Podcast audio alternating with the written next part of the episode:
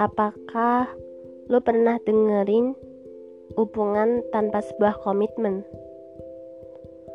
Atau sekarang lo malah lagi ngejalani hubungan tanpa sebuah komitmen?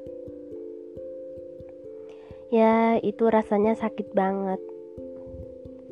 Hubungan tanpa ada sebuah komitmen itu susah untuk dijalani, atau bahkan nggak ada artinya sama sekali. Bahkan untuk memulainya kembali rasanya sangat disayangi. Karena semuanya sudah disudahi. Buat apa lo ngejalanin hubungan tanpa sebuah komitmen?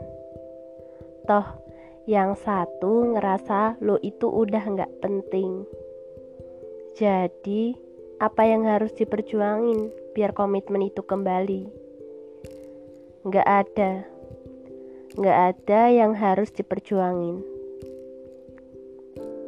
Dengar, hubungan tanpa sebuah komitmen itu udah mati, nggak bisa diapa-apain lagi, kecuali yang satu sadar dan ikut saling berkomitmen.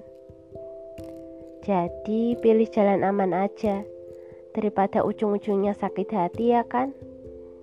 Kalau mau dipaksain ya terserah, tapi tanggung sendiri masalahnya.